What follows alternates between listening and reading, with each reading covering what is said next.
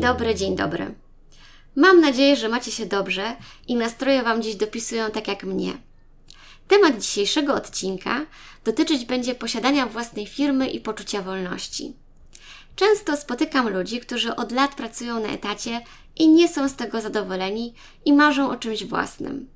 Chcą sami sobie stworzyć miejsce pracy i jak to się mówi, być sobie sterem i żeglarzem. Bez wątpienia praca na własny rachunek daje nam poczucie wolności. Mamy możliwość podejmowania decyzji i kreowania własnej rzeczywistości. Niestety są też cienie posiadania własnej firmy, bo musimy się o wszystko troszczyć sami. Jest to ogromne poczucie odpowiedzialności za każdą podjętą decyzję. Zwykle w tym pierwszym okresie rozwoju firmy wymagane jest od nas takie pełne zaangażowanie i bardzo ciężka praca. Dlatego nie każdy jest w stanie pozwolić sobie na różne wyrzeczenia i poświęcenia. Jednak bez wątpienia jest to wspaniała przygoda. Działając na własny rachunek, życie nabiera większego tempa i niesamowicie nas stymuluje, przez co przeżywamy wszystko bardziej intensywnie i możemy poczuć się młodziej. Odkąd pamiętam, zawsze marzyłam o własnej firmie. Pewnie za sprawą moich rodziców, którzy prowadzili kilka sklepów za czasów mojego dzieciństwa. Pamiętam, jak zabierali mnie ze sobą w trasy po Polsce, gdy jeździli po towar do różnych hurtowni.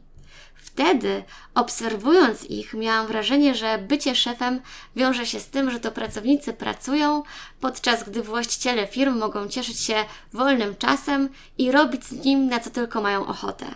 Nadmienić tutaj muszę, że moi rodzice te sklepy prowadzili na początku lat 90., a to bez wątpienia były takie złote czasy dla wszystkich, którzy rozkręcali wtedy swoje drobne biznesy.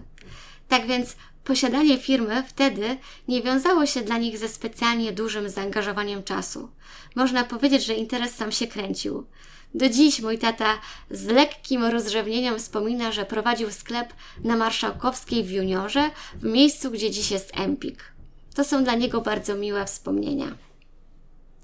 Tak więc nic dziwnego, że od najmłodszych lat niczego tak bardzo nie pragnęłam, jak tylko tego, aby założyć własną firmę.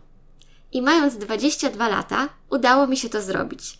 Jednak już po dwóch miesiącach ją zamknęłam, bo bycie małym przedsiębiorcą mnie jednak przerosło.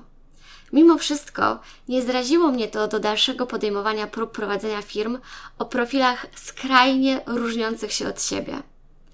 Zawsze otaczałam się ludźmi, którzy podobnie jak ja próbują stać się niezależni i chcą mieć coś własnego. Gdy sobie dziś przypomnę, w jak dużą liczbę przeróżnych projektów byłam zaangażowana, mając tylko dwadzieścia kilka lat, to sama się do siebie uśmiecham, bo mnóstwo z nich już na samym początku było skazanych na porażkę. Ale jak dziś na to patrzę, to wiem, że te lekcje, które wyciągnęłam z każdej z tych przygód, procentują mi do dnia dzisiejszego. Moje pierwsze dorosłe doświadczenie związane z zarabianiem pieniędzy było zaraz po zdaniu matury. Chciałam zarobić kilka złotych, aby mieć jakieś swoje pieniądze i móc je wydać w czasie wakacji. A że rodzice kiedyś mieli mały epizod związany ze sprzedażą biżuterii i w domu było mnóstwo różnych, pięknie zapakowanych zestawów biżuterii, to ja postanowiłam, że sama je sprzedam. To był bodajże 2008 rok, tak więc mało kto wystawiał się w internecie, więc wtedy wchodziła raczej w grę sprzedaż bezpośrednia. Zależało mi, aby wyglądać profesjonalnie, więc założyłam to samo, co nosiłam na egzaminach maturalnych. Do tego wzięłam elegancką aktówkę mamy i zrobiłam sobie rundkę po wszystkich sklepach z biżuterią w moim mieście. A że sklepów było dosyć mało, to rozszerzyłam zasięg także o trzy sąsiednie miasta. Przedstawiałam się jako przedstawiciel handlowy firmy Lady M. Prezentowałam różne zestawy biżuterii i zachęcałam te sklepy, aby bezpośrednio kupiły je ode mnie, a później dodały je do asortymentu swojego sklepu. Dziś, jak o tym mówię, to pojęcia nie mam, skąd taki pomysł przyszedł mi do głowy. Bardzo podziwiam siebie za odwagę, jaką wtedy miałam. Dokładnie już nie pamiętam, ile udało mi się tego sprzedać, ale wiem, że wpadło mi wtedy kilkaset złotych. Tak więc ku mojemu zdziwieniu właściciele tych sklepów brali mnie na całkiem poważnie. Natomiast moje pierwsze wspomnienie związane ze sprzedażą bezpośrednią klientowi indywidualnemu było, gdy wraz ze znajomymi prowadziliśmy sprzedaż na markecie na znanym festiwalu muzyki gotyckiej w Bolkowie. Pamiętam, że pierwszego dnia zamknęliśmy swoje stanowisko późno w nocy i padliśmy ze zmęczenia ale byłam niewyobrażalnie szczęśliwa i bardzo z siebie dumna. Poznałam całą masę bardzo dziwnie ubranych ludzi, słuchających muzyki, której ja osobiście w ogóle nie rozumiem, ale to nie przeszkadzało mi wczuć się w ich klimat i świetnie się bawić, obsługując sprzedaż. Doskonale pamiętam emocje, które nam towarzyszyły w czasie drogi powrotnej z tego festiwalu. Czułam się niesamowicie wolna, pełna życia i energii. Wtedy też wszyscy zgodnie twierdziliśmy, że już zawsze chcemy mieć swoje własne działalności i nie chcemy pracować dla innych tylko na swój własny rachunek, bo tak bardzo spodobało nam się to doświadczenie. Natomiast życie zweryfikowało te nasze plany, bo później niestety na etat jeszcze wróciliśmy nie raz, ale zawsze uważnie rozglądałam się wokół, próbując dostrzec jakieś możliwości. Miałam też ogromne szczęście do ludzi, z którymi pracowałam. Wiele z nich mnie inspirowało i kibicowało moim różnym projektom.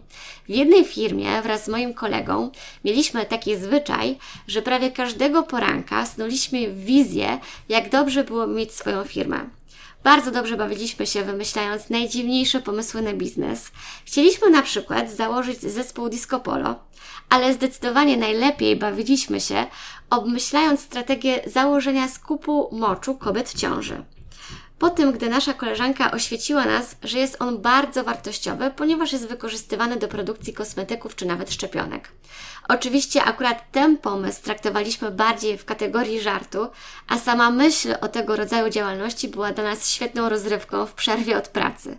Najważniejsze jednak, że gdy ja wpadłam w końcu na pomysł powiązany z branżą, w której oboje pracowaliśmy, to udało nam się w fazie początkowej współpracować ze sobą, co było bardzo fajnym doświadczeniem. Najważniejsze jednak, że gdy już startowałam z jakimś nowym projektem i zdobywałam się na odwagę, aby odbyć jakieś pierwsze spotkanie biznesowe, to za każdym razem czułam więcej ekscytacji niż stresu. Wiele razy tak bardzo wierzyłam w jakąś ideę, która dopiero była w fazie testowania, że inni, widząc moją pasję i entuzjazm, bez problemu godzili się na współpracę. To właśnie wtedy zrozumiałam, że sens ma angażowanie się w firmy, których idea sprawia, że wręcz przebieramy nogami z ekscytacji. Nasza twórcza energia powinna wylewać się z nas nawet uszami. To właśnie z takimi w pełni zaangażowanymi osobami chcą współpracować inni. Dla mnie takie doświadczenia nadają życiu sens. Sprawiają, że czas zaczyna zupełnie inaczej płynąć i nie mamy takiego strasznego poczucia, że nam ten czas ucieka i przylatuje przez palce. Moją główną motywacją jest kreowanie jakiejś nowej idei, którą zarażam innych. Dlatego według mnie prowadzenie firmy jest powiązane z prowadzeniem określonego stylu życia i nie jestem w stanie oddzielić życia prywatnego od zawodowego. W sposób naturalny te dwa światy muszą się jakoś przenikać. Praca nad rozwojem moich firm jest również moją pasją, która sprawia, że życie nabiera mnóstwa odcieni i barw, która też codziennie ogromnie mnie stymuluje. Jednak w kontekście wolności może to wyglądać różnie zwłaszcza jeśli postrzegamy wolność jako to, że możemy pracować kiedy chcemy. Zwykle tempo naszej pracy wyznaczają klienci i pracujemy trochę pod ich dyktando. Tak więc raczej ciężko tutaj mówić o poczuciu wolności. Natomiast w kontekście takim bardziej metafizycznym, to jak najbardziej. Posiadanie firmy daje nam poczucie wolności. Czujemy, że mamy życie we własnych rękach i to my wszystkim sterujemy. Wielu ludzi jest niezadowolonych pracując u kogoś. Mają marzenia, aby mieć coś swojego. Często te marzenia dotyczą projektów na bardzo dużą skalę i są one tak duże, że zdarza się, że one ich zwyczajnie przerastają i nigdy nie przystąpią do ich realizacji. Dlatego jeśli naprawdę mamy zamiar działać, a nie tylko w kółko opowiadać o naszych marzeniach związanych z własną firmą, to warto jest czasami zweryfikować swoje plany i zacząć od czegoś bardzo małego. Nawet mając stałą pracę, można spróbować rozkręcać coś swojego, robiąc to po godzinach. To jest dobry sposób na to, aby sprawdzić, czy nasz pomysł na biznes ma szansę przyjąć się na rynku, nie rezygnując przy tym z poczucia bezpieczeństwa, jakie daje nam praca na etacie. Oczywiście wiem doskonale, jak ciężko jest robić coś dodatkowego pracując w pełnym wymiarze godzin. Był okres, kiedy wstawałam codziennie o 5 rano tylko po to, aby popracować na rzecz swojej przyszłej firmy, a o 8 rano musiałam być już w firmie, w której byłam zatrudniona. Jednak w momencie, gdy rezygnujemy z pracy i decydujemy się w pełni poświęcić rozkręceniu swojej firmy, to może być to okupione ogromnym stresem. Po pewnym czasie pojawi się coraz większa presja związana z tym, aby nasza firma zaczęła jak najszybciej na siebie zarabiać. I nagle nasze marzenie związane z byciem na swoim może przerodzić się w prawdziwy koszmar. Znam wielu ludzi, którzy nie wytrzymali tej presji, a później zniechęcili się na dobre do posiadania własnej firmy. Podsumowując już ten odcinek, posiadanie firmy bez wątpienia jest jedną z najbardziej ekscytujących przygód daje nam możliwość kreowania własnej rzeczywistości i wolność wyboru, bo wszystko zależy od nas. Jednak z drugiej strony, będąc na swoim, możemy być pewni, że zwłaszcza na samym początku będzie to wymagało od nas niesamowicie ciężkiej pracy. Ja nigdy, nigdzie w żadnej firmie nie pracowałam tak intensywnie, jak wtedy, gdy startowałam z własnymi projektami. One zwykle pochłaniały mnie bez reszty, nawet wtedy, gdy nie pracowałam, to wciąż moje myśli wędrowały do kwestii związanych z firmą. Nie wszystkim taki styl życia odpowiada, dlatego bycie przedsiębiorcą nie jest dla każdego. Są ludzie, którzy owszem, marzą o byciu swoim własnym szefem, ale z drugiej strony wiedzą, że nigdy się na to jednak nie zdecydują i nie ma w tym nic złego. Jeśli już od dłuższego czasu nosicie się z zamiarem przejścia na swoje, to opracujcie dokładny plan działania i startujcie. A dopiero w trakcie realizacji okaże się, czy dalej chcecie iść tą drogą. Dzisiejszym odcinku to już wszystko. Dziękuję za wysłuchanie i do usłyszenia.